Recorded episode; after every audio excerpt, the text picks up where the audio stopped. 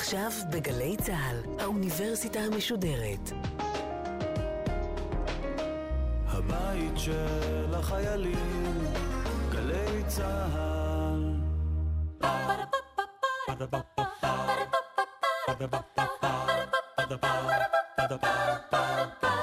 האוניברסיטה המשודרת, בין תרבות לזיכרון. אנו מביאים בשידור נוסף את סדרת התוכניות המיוחדת לקראת יום הזיכרון לשואה ולגבורה.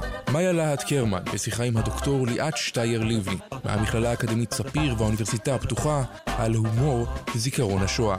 עורכת ראשית, מאיה גאייר. שלום.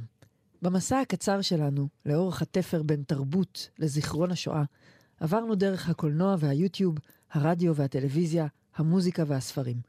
בשני הפרקים הקודמים הבנו איך התרבות הישראלית לא רק מעוצבת באופן עמוק על ידי זיכרון השואה, אלא גם ולא פחות מעצבת אותו. את הפרק השלישי והאחרון בסדרה נקדיש להומור. זו בחירה לא קלה לעסוק בהומור ובשואה, אבל אפשר להישען פה על מאות שנים של הומור יהודי, ולהגיד בזהירות, לא אנחנו המצאנו את זה, זה בגנים שלנו, להתמודד עם הרע מאוד בעזרת הומור עצמי והומור שחור. שלום לך, דוקטור ליאת שטייר לבני. שלום. את מרצה בכירה במחלקה לתרבות במכללה האקדמית ספיר, ומנחה ומרכזת קורסים באוניברסיטה הפתוחה. המחקרים שלך עוסקים בייצוגים התרבותיים של טראומת השואה ושל ניצולי השואה בישראל, במיתוסים, ברב תרבותיות, בזיכרון קולקטיבי ובקשרים שבין היסטוריה ותרבות.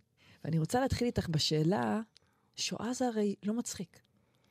שואה זה לגמרי לא מצחיק. שואה זו הטרגדיה הגדולה ביותר שקרתה לעם היהודי. זה בעצם שיא של שנים של רדיפות, פוגרומים ואנטישמיות.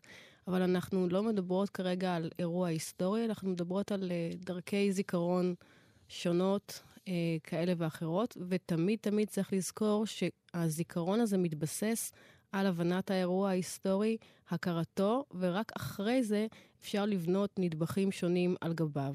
עכשיו, זה תמיד זורק אותי לשאלה ששואלים אותי, האם הומור ושואה זה בסדר? ואני תמיד אומרת שהשאלה הזו היא פשוט לא רלוונטית, מכיוון שגם אם אני חושבת שזה בסדר, וגם אם אני חושבת שלא בסדר, זה קודם כל קיים. בתרבות הישראלית בעשורים האחרונים יש הרבה הרבה מאוד טקסטים שמתעסקים בשואה דרך הומור, סאטירה, פרודיה. ואותי כחוקרת תרבות, הרבה יותר מעניין לשאול למה זה קיים, איזה צרכים זה משרת, ולחקור את הנושא מבלי שאני נדרשת לשאלה האם זה בסדר או לא, כי שוב, הטקסטים האלה ימשיכו להתקיים עם האישור שלי ובלעדיו.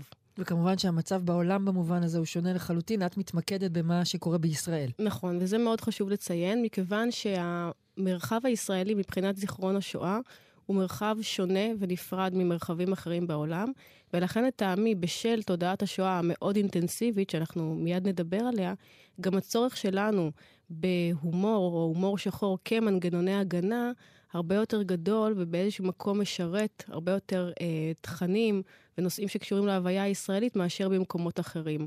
כאשר אני מדברת על הומור שואה בישראל, אני יכולה לדעת לבטח שמי שמתעסק בהומור שואה, ולרוב זה אנשים שהם בני הדור השני והשלישי מבחינה כרונולוגית, כיום גם הדור הרביעי, הם אנשים שגדלו והתחנכו במערכת חינוך שהנחילה להם את תודעת השואה. כולם מכירים את האירוע ההיסטורי, כולם יודעים מה היה שם, מה קרה, מה בדיוק התחולל בין 33 ל-45 ובין 39 ל-45. רק אחרי שאנחנו יודעים את זה ומבינים את זה וזוכרים את זה, אפשר לחשוב על איך אנחנו זוכרים בדרכים כאלה ואחרות. החשיבות הזו של האירוע ההיסטורי היא הדבר המרכזי. בעוד שבמרחבים אחרים בעולם, אני לא יכולה להיות בטוחה שהידע הזה אכן קיים. אני מסתובבת בעולם, בהרצאות, בכנסים, אני יודעת שיש הרבה מאוד בורות, הרבה מאוד חוסר ידע, ושם, במקומות שאינם ישראל, אני חייבת לציין שהיחס שלי להומור הוא קצת יותר בעייתי, עם הרבה מאוד סימני שאלה, מכיוון שאני חוששת שהזיכרון ההומוריסטי שקיים במרחבים שונים, ברשת וכדומה, יחליף את האירוע ההיסטורי, וכאן אנחנו נכנסים לבעיה. בישראל זה לא כך. אז בואי באמת נחזור לישראל, ואמרת בישראל כולם יודעים, ועכשיו יש כבר uh, דור רביעי לשואה הלא, שלומד בתיכונים. והשאלה אם באמת, זה לא רק הרי כולם יודעים פה, נכון? זה כולם מרגישים את זה בגוף. השואה היא משמעותית מאוד בנו, בישראליות נכון, שלנו. נכון, וזה נקשר קשר הדוק לשאלה הקודמת. בעצם למה אני חושבת שההומור השואה בישראל משרת צרכים אחרים לגמרי. אנחנו בישראל מקום שחי ונושם תודעת שואה באופן אינטנסיבי מגיל אפס. אנחנו הרי כולנו יודעים, אנחנו לומדים על השואה בגני הילדים, עוד לפני שי פירון דיברו על השואה בגני הילדים, אל תוך בית הספר היסודי, ואז אל בית הספר התיכון, והמסעות לפולין. אבל גם מעבר למערכת החינוך, כל עיתון שאת פותחת, כל אינטרנט, כל מקום שאת הולכת אליו, את שומעת אישי ציבור כאלה ואחרים, פוליטיקאים כאלה ואחרים מתעסקים בנושא הזה, זה צועק על זה נאצי וזה עונה להוא נאצי. אנשים משתמשים בנושא הזה מימין ומשמאל, כאשר אנשי ימין משתמשים בזה לצרכיהם ואנשי שמאל משתמשים בזה לצרכיהם. אנחנו חיים ונושמים תודעת שואה באופן אינטנסיבי כזה, שהיא מקיפה את כולנו. ולתוך זה נכנסת התרבות, ומקיימת סוג של יחסים הדדיים בין זיכרון לבין כל ייצוג תרבותי שקיים, ואת נמצאת בתווך הזה. נכון.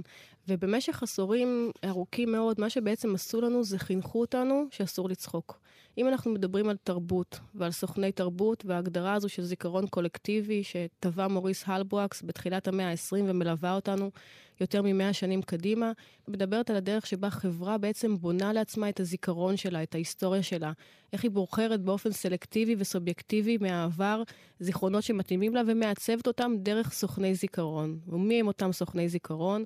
היסטוריונים, קובעי שמי, שמות רחובות, אה, אנשי תרבות, אנשי קולנוע, הם כולם מעצבים את הזיכרון שלנו. ובמשך עשרות שנים, אותם אנשים שאמונים על הזיכרון, הסבירו לנו שאסור לצחוק.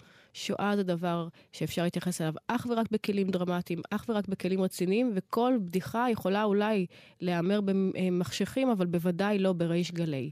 ומה שקורה בעשורים האחרונים, וזה בעיקר משנות ה-90, שבאים חלקים, זה כמובן אף פעם לא כולל וזה אף פעם לא מכליל, חלקים מבני הדור השני והשלישי, ומנסים להרחיב את הזיכרון הזה הדי מקובע של השואה, ולהגיד, רגע, יש אנשים שעבורם הומור שחור הוא מנגנון הגנה בסיסי והכרחי, ותנו לנו בעצם לזכור גם בדרך אחרת. והדרך הזו היא לא זילות והיא לא ביזוי, אלא להפך. הדרך הזו רק מצביעה על כמה שאנחנו שקועים בתוך הזיכרון הזה, לא מסוגלים להתנתק ממנו, אבל יש לנו דרכים אחרות לזכור. אז רגע לפני שנצלול לתוך ההומור הזה, אני בעצם רוצה להבין את המנגנון. אם השואה איתנו כל הזמן, ביום-יום, אה, והיא חלק ממה שאנחנו קוראים, שומעים ויודעים. הלא זה אמור היה להיות טבעי לגמרי, שכמו שאנחנו צוחקים ובוכים ביומיום מכל תופעה אחרת, גם השואה תיכנס לדבר הזה שאנחנו יכולים לבכות ממנו ולצחוק, אה, לא ממנו, זה אפילו קשה לי להגיד את זה, אבל לצחוק סביבו, הייתי אומרת. מה שאמרת כרגע זה מאוד נכון, כי חשוב לי לציין שההומור שואה הזה, שמאוד מרתיע הרבה מאוד אנשים, אפשר לומר ש-90% ממנו בכלל לא עוסק בשואה. ההומור מתעסק לרוב בסוכני הזיכרון של השואה, בדרך שהיא משפיעה על החברה הישראלית, הוא לרוב לועג לנו, הישראלים, ומעט מאוד תכנים עוסקים בשואה גופה.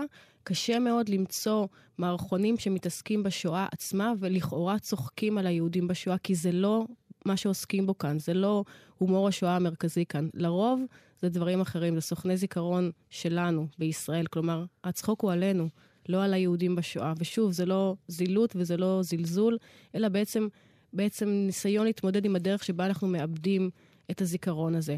ואת צודקת בזה שאת אומרת שצחוק הוא הרי חלק אינטגרלי מחיי היום-יום, אבל שוב, מדובר פה בהבניות תרבותיות.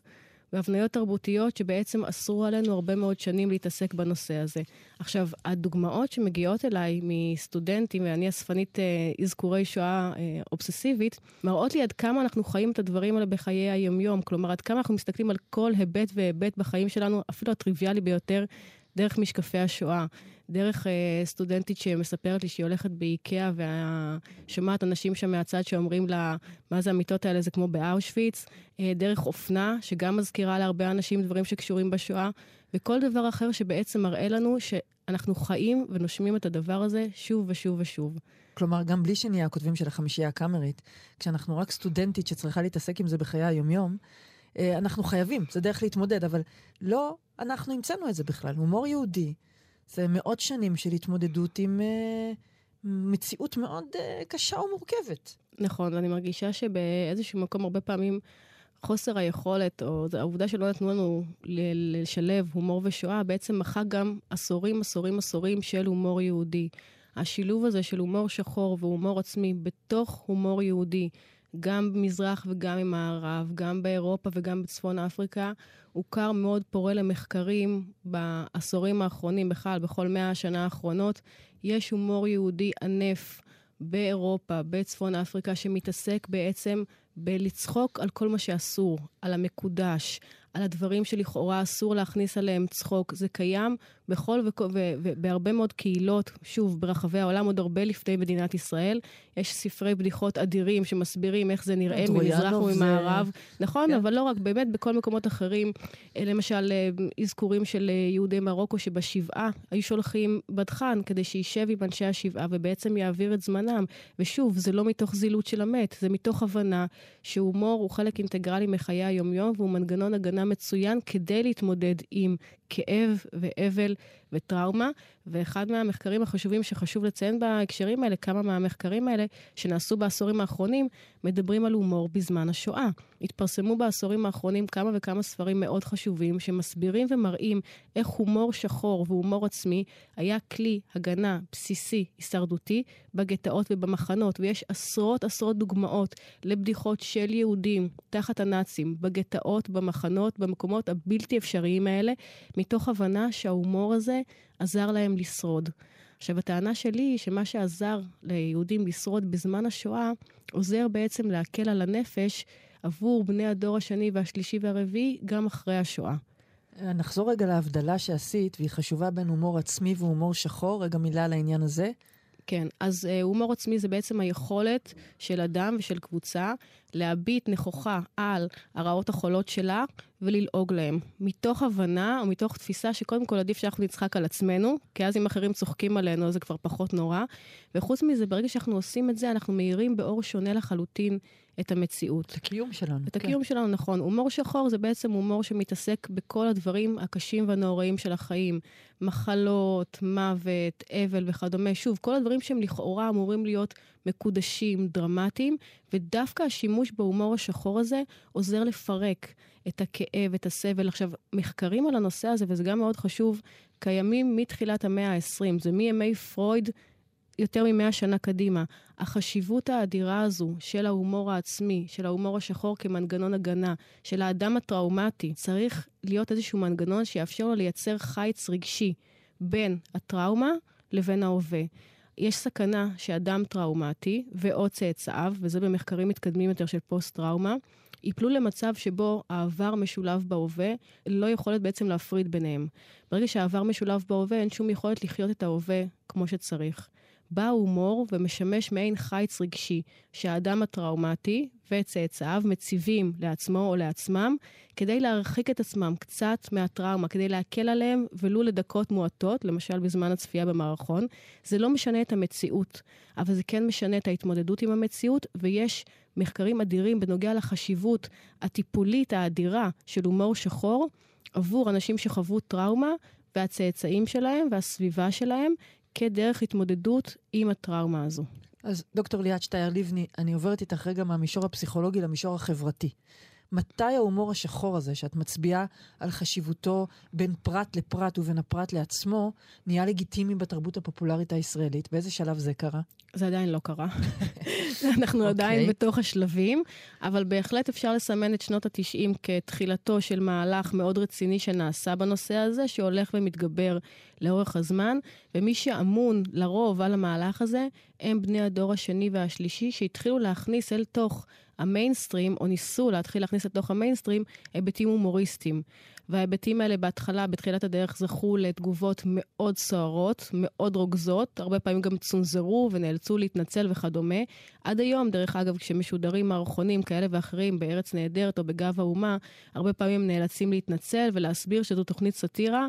אני לא יכולה להגיד שזה חלק מהמיינסטרים, אני כן יכולה להגיד שזה תהליך שבהחלט בהחלט מתקדם, ומה שמאוד תרם להתפתחות של התהליך הזה, זה האינטרנט. את יודעת, היסטוריונים לא יכולים לדעת מה היה קורה אם וכאשר וזה, אין לי ספק שאם האינטרנט לא היה קיים, סביר להניח שהתהליך הזה היה איטי יותר. האינטרנט נותן במה אדירה לנושא הזה, מכיוון שהוא משוחרר מצנזורה. מכיוון שהאנשים שמעלים סרטונים לאינטרנט לא חייבים תשובה לא לבעל המניות הזה ולא לרגולטור הזה, ובעצם האינטרנט מהווה איזשהו מרחב שבו אפשר לייצר את התכנים האלה. ב- ולפרוץ את הגבולות שמאוד מאוד מקובעים. אז אם אנחנו לוקחים מערכון של החמישייה הקאמרית, המערכון על פלדרמאוס, כן, נכון? כן. שניגש לגרמני שעומד אה, לירות באוויר כדי להתחיל מרוץ, ואומר לו, שמע, הבחור, הבחור הזה, היהודי, הוא קצת יותר נמוך, תן לו לעמוד קצת קדימה, אחרי כל מה שעשיתם לנו בשואה וכולי וכולי. מפיס הלך כמו מקלות של ארטיקים, כן. בדיוק. והנה אנחנו נשמע עכשיו קטע קצר ממנו. Hello and good evening. We are from the Israeli delegation, and we wanted to... To ask for a favor. Look, uh, I'll be honest with you. It's about uh, the the the the Bahorchik number six. He is, how do you say, not very fast, Slow even. Very. but very talented. Very. And we want uh, to ask you for a little favor. Nothing big, just to give him five, six meter four. וולפגנג. אה, אתם הגויים, לב של אבן יש לכם. All you want to להשפיל אותנו. תירגע, פלדרמאוס. שאני יירגע, שהכלב יירגע. How do you not ashamed? You not see Schindler? All the television of the world watching us? You don't care. Haven't the Jewish people suffered enough? בדיוק המערכון הזה יכול בזמן אמת ליצור הרבה רעש וטלטלה, אבל עכשיו באינטרנט אתה יכול לצפות בו ולחייך לעצמך בלי שאף אחד מציק לך ואומר זה לא יפה לחייך בגלל דברים כאלה. קודם כל, העובדה שאנשי החמישייה הקאמרית הצליחו להכניס את זה לתוכנית שלהם ששודרה, למרות שזה קיבל ביקורות זוהמות כאלה ואחרות, זה כבר יפה ומעיד על שינוי מאוד מאוד רציני בתרבות הישראלית. בכל זאת מדובר בתוכנית שלא שודרה באיזה ערוץ כבלים איזוטרי, כי אז זה לא היה קיים, זה התחיל בערוץ אחד ואחר כך עבר לערוצים אחרים. כלומר, זה כבר היה חלק מהמיינסטרים וזה מעיד על תהליך שינוי בחברה הישראלית. אבל אני לא בטוחה שלמשל אה, סרטונים כמו סרטוני היטלר מתעצבן, שחוגגים ברשת, אני לא בטוחה עד כמה הם יכולים היו למצוא את דרכם אל תוך המיינסטרים כיום. יכול להיות שכן, שוב, תהליך, אנחנו בתהליך מאוד uh, רציני של שינוי, אבל אין ספק שהאינטרנט מאפשר הרבה הרבה יותר חופש פעולה לאנשים שצריכים את הדבר הזה ורוצים את הדבר הזה. ואז באה ארץ נהדרת, אם אני חוזרת רגע לתקשורת הממוסדת, ועושה מערכון בכלל על ריאליטי. כאילו לכאורה לא קשור לעניין בכלל, ובמערכון הזה היא נותנת למתמודדים בסוג של מצלמה נסתרת, שרוצים להיכנס לריאליטי שאין להם מושג מהו, ובשלב מסוים המתמודדים מעלים שמיכה מעל דגם קטן של מחנה ריכוז, והמלהק אומר להם, זה הריאליטי שאנחנו מציגים לכם עכשיו, קוראים לו המחנה, כל אחד זוכה. ואני אני יודעת שלפעמים כשאנחנו, אני צופה בזה עם אנשים אחרים, הם עד היום מאוד קשה להם לראות את זה, על אף שהנושא הוא בכלל הצורך של אנשים ללכת לריאליטי ואיך הם יהיו מוכנים לעשות הכל בשביל פרסום, אבל עצם זה שמגיעים שם לנושא השואה, גורם לאנשים לזוע מאוד באי נוחות בכיסא. אז זה בדיוק כמו שאמרנו קודם, רוב המכריע של מערכונים שמתעסקים בשואה לא מתעסקים בשואה. הם מתעסקים במה שמסביב. דיברת קודם על פלדרמאוס, פלדרמאוס לא מדבר על השואה. פלדרמאוס מדבר על הניצול הציני של פוליטיקאים ואישי ציבור את השואה, וזה נושא שמאוד חשוב לדבר עליו. אני רוצה לה- לה- להזכיר שההומור, מעבר להיותו מנגנון הגנה, גם משמש כלי לביקורת חברתית מאוד מאוד חשובה. המלהק למשל, שהזכרת קודם, זה אחד המערכונים, לפי דעתי, קודם כל המבריקים והחשובים ביותר שנעשו, מכיוון שזה מציב כדרכה של סאטירה ראי מול פניה של החברה הישראלית שהולכת ומתבהמת, אלא חברה שמלאה באנשים שמוכנים למכור את האם אימא שלהם בשביל שלוש דקות פרסום, וזה מאוד חשוב לקחת את זה דווקא למקום הקיצוני הזה כדי לראות לאן הידרדרנו ולאן הגענו. ולכן ההומור הוא לא רק מנגנון הגנה, אלא גם כלי לביקורת חברתית וכלי מאוד מאוד חשוב, כי ברגע שמגיעים אל נושא השואה, כולנו מבינים עד כמה המצב שלנו קשה. ואז אנחנו מגיעות לזגורי אימפריה, ואז אנחנו מגיעים ולסצנה הידועה כן. של האבא של המשפחה שמסרב לקום בצפירה, בואי נשמע קטע גם מזה.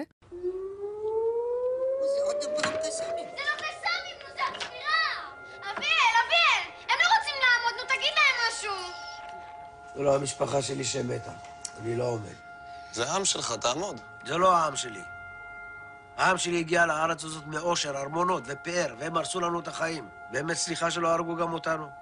אני חושבת שמאור זגורי עשה פה מהלך שהוא אה, מאוד מורכב ומאוד מעניין. קודם כל, כולם צעקו על זה שהאבא לא מוכן לקום בצפירה, והכל נכון, אבל קצת שוכחים שמולו הוא הציב את האלטרנטיבה. כלומר, הוא לא הציג אה, איזשהו היבט חד צדדי שאומר, אנחנו המזרחים לא רוצים לקום בצפירה וכדומה, כי לא זוכרים אותנו, אלא הוא יצר בעצם דיאלוג מאוד מאוד טעון וויכוח קשה בין בבר האבא לבין אביאל הבן, וכך הציג בעצם שתי נקודות תצפית על אותו עניין. עכשיו, דרך השימוש בשואה, הוא בעצם פתח פתח לדיון מאוד חשוב במחאה מזרחית, בתחושות של אנשים שקיימות, עוד פעם, התחושות האלה קיימות בחברה הישראלית, זה כמו שאמרתי לך בהתחלה. אפשר להגיד שאנחנו לא מוכנים לדבר על הומור, אז מה? זה לא יעלים אותם. גם אם, לא, אם הוא לא היה עושה את הפרק הזה, זה לא היה מעלים את התחושות הקשות של חלקים בחברה הישראלית בנוגע לקיפוח והדרה. אלו נושאים שצריך לדבר עליהם.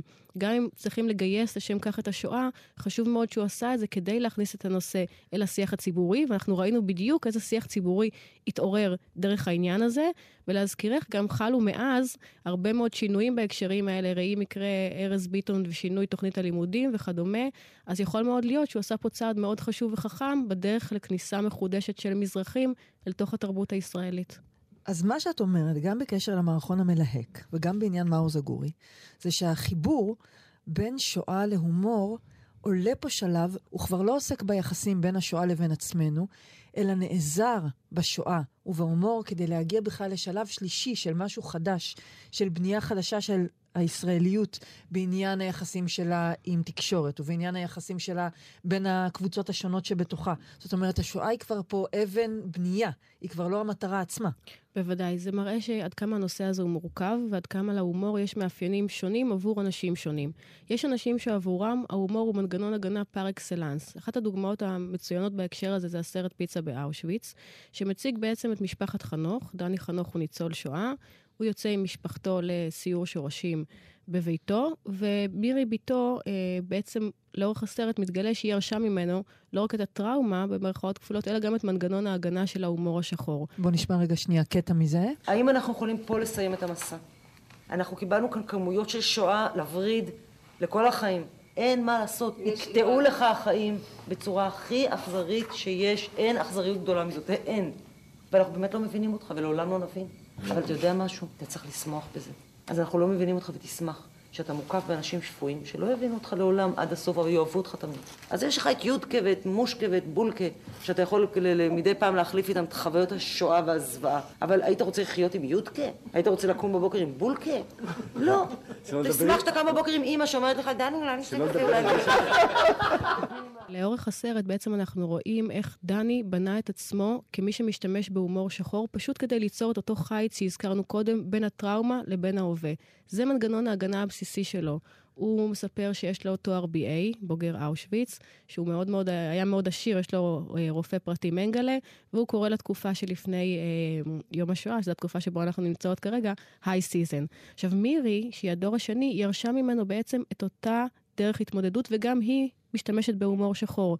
היא קוראת למסע שלהם קדם אירוויזיון, כי היא יודעת שהמרכז עוד עתיד להגיע באושוויץ. הם ביניהם עושים את משחק האותיות, לפי מה שאזכורי שואה, א', אושוויץ, ב', בירקנאו וכדומה, ואת רואה שזה התמודדות לשם ההתמודדות. זה מנגנון הגנה בסיסי, נקודה, עבור ניצולי שואה, עבור הילדים שלהם. מעבר לזה, בדיוק כמו שאמרת, בהחלט להומור יש גם מאפיינים אחרים. סאטירה היא כלי מאוד מאוד חשוב לביקורת חברתית. ובתוך חברה שחיה ונושמת תודעת שואה, אני חושבת שיש יוצרים שמבינים שהדרך לפנות לשואה היא דרך שימוש באזכורים האלה, כי זה המקום היחיד, או אחד המקומות המרכזיים, שבו אנחנו נעצרים להקשיב. ואז משתמשים בשואה כדי לדבר על הרעות החולות של החברה הישראלית, מבחינה פוליטית, מבחינה עדתית, מבחינה חברתית, מכל הבחינות האפשריות, וגם זה מאוד מאוד חשוב, כי יש פה מטרת על.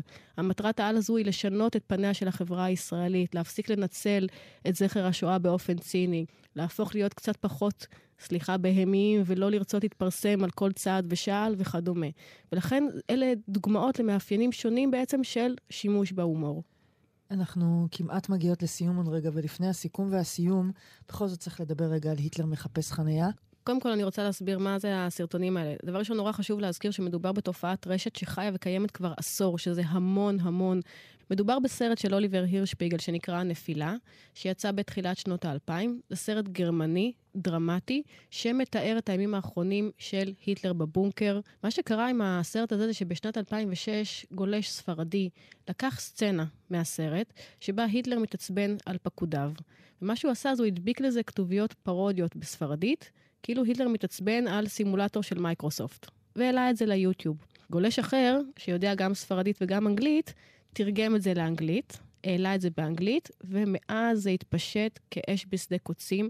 יש לסצנה הזו עם כתוביות, יש לה תרגומים בעשרות שפות. זה פשוט מדהים, זה מגיע עד. סינית, ודברים באמת שאנחנו לא יכולים להאמין. וזה הגיע לישראל כמה שנים לאחר מכן. זה התחיל עם סדרה של בדיחות פנימיות של אוהדי הפועל תל אביב, שדיברו לקבוצה מאוד מצומצמת של אנשים, ואז זה התחיל לעסוק בתופעות שהן כלל ישראליות, כמו שלמה ארצי, כמו שלג בחרמון, כמו חיפוש חניה בתל אביב, זה הפך להיות הצלחה פנומנלית. והסרטון הזה של היטלר מחפש חניה בתל אביב, זה הסרטון שצבר, אה, נכון להיום, פחות או יותר, הכי הרבה צפיות. זה מעל 200 אלף צפיות, אני לא זוכרת, מספרים מאוד מאוד גדולים. ובסרטון הזה רואים איך היטלר, שוב, שאנחנו מכירים אותו בתור הצורר הגדול מכולם, מנסה באופן נואש למצוא חניה בתל אביב, וכמובן, נכשל. היטלר הוא בעניין הזה ממש אה, אייקון לכל מה שקשור בסאטירה ובהומור, נכון? נכון. הוא... נוצר מצב, וחוקרי תרבות עומדים על זה, שהיטלר, הרבה יותר מדיקטטורים אחרים, לא כמו מוסליני, לא כמו סטלין, הפך להיות באמת מושא לבדיחות גם בארץ, גם בעולם, ותוהים באמת למה. אה, אחת התשובות זה שיש בדמות עצמה משהו שבעצם זועק להומור, משהו בשפם, בשיער, בצרחות בגרמנית, כאילו בעצם מבקש את זה באיזשהו מקום. אבל מה שעושים לו, אה, גם בעולם וגם בארץ, בהקשר של הסרטונים האלה, והסרטונים האלה הם לא משהו שהוא רק ישראלי, משהו שהוא עולמי, אבל בארץ מיוצרים הרבה יותר סרטונים, מופקים הרבה יותר סרטונים, ויש הרבה יותר צופים בעברית פר סרטון, ובדקתי את זה סטטיסטית מול העולם. וכאן אנחנו נכנסים לתיאוריות אחרות של הומור. יש uh, תיאוריה שנקראת תיאוריית העליונות, ויש תיאוריה שנקראת תיאוריית אי ההלימה, ושתיהן באות לידי ביטוי בעצם בסרטונים האלה. אז קודם כל, תיאוריית העליונות, ברגע שאנחנו רואים את היטלר נופל, שדוד, לנוכח הטריוויאליות של חיי היומיום ולא מצליח למצוא חניה בתל אביב, זה גורם לנו מיד לצחוק ולהרגיש עליונים עליו. הנה הדיקטטור הגדול שהוביל אל מותם שישה מיליון, והוא לא מצליח לחנות פה בחניון נורמלי. זה מיד נותן לנו תחושת עליונות שהיא מאוד מאוד חשובה, מתוך תודעת הקורבניות שמוטמעת בנו. זה דבר אחד, ותיאוריית אי ההלימה גם היא מאוד בסיסית. לוקחים את הדיקטטור שאנחנו מכירים, שצורח בגרמנית, ואצל כולנו זה מתקשר לדברים איומים, וזה מול הכתוביות, שמציגות את הדברים הכי טריוויאליים ומגוחכים בחיי היומיום, יוצר אי הלימה שיוצרת הומור. אז זה חלק בעצם מלמה אנחנו צוחקים מזה. אבל מבחינה ישראלית, שוב, יש לזה חשיבות אדירה. אנחנו חייבים לפרק את הדמות הזו של הצורר. מכיוון, לא רק מכיוון, שזה צורר של העבר, אלא מכיוון שסוכני זיכרון מרכזיים בהווה חוזרים ומזכירים לנו שהנה הוא מגיע. כי כל הזמן יוצרים לנו אה, חיבורים בין היטלר לבין צוררים אחרים בימינו. וההשוואות למשל בין היטלר לאחמדינג'אד והיטלר להרבה מאוד אנשים אחרים מוכרות וידועות לנו.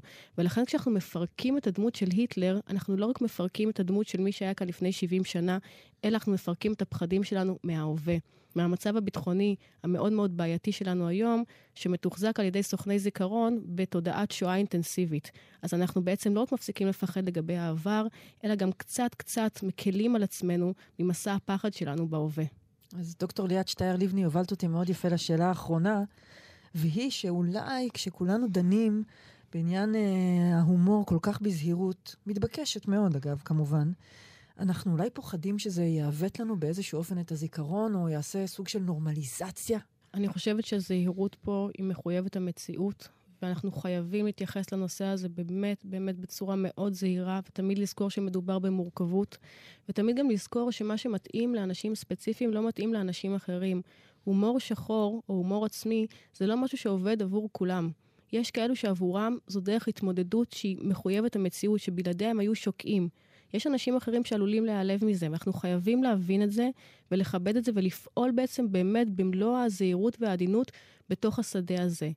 החשש הזה שזה יהפוך למשהו נורמלי, אני בהחלט יכולה להבין אותו, אבל שוב, אני חושבת שמכיוון שאנחנו לומדים את הנושא הזה בצורה כל כך אינטנסיבית בישראל, וחיים אותו בצורה כל כך אינטנסיבית, החשש שמא האירוע ההיסטורי יאבד כאירוע היסטורי בישראל, הוא פחות מאשר בעולם. ואני חושבת שמה שצריך לעשות זה קודם כל לזכור את האירוע ההיסטורי, אבל גם לדעת שיש אנשים שונים עם צרכים שונים, וזה בסך הכל עוד דרך לזכור ולהתרגש ולדעת ולהבין, ובמקום להתייחס לזה כזילות או כביזוי, אפשר להסתכל על זה מפרספקטיבה אחרת לגמרי.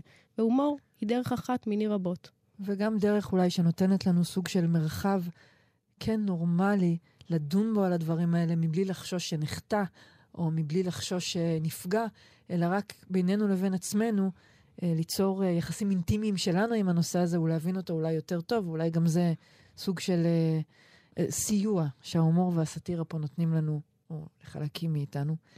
תודה רבה לך, דוקטור ליאת שטייר לבני, ואיתך אנחנו חותמים את הסדרה בין תרבות לזיכרון, מהדורה מיוחדת של האוניברסיטה המשודרת לקראת יום הזיכרון לשואה ולגבורה. להתראות.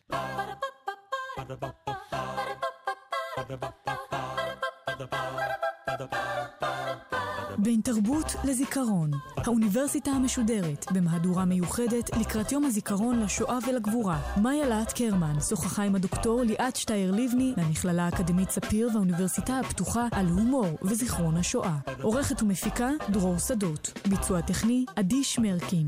האוניברסיטה המשודרת בכל זמן שתרצו באתר וביישומון של גל"צ וגם בדף הפייסבוק של האוניברסיטה המשודרת.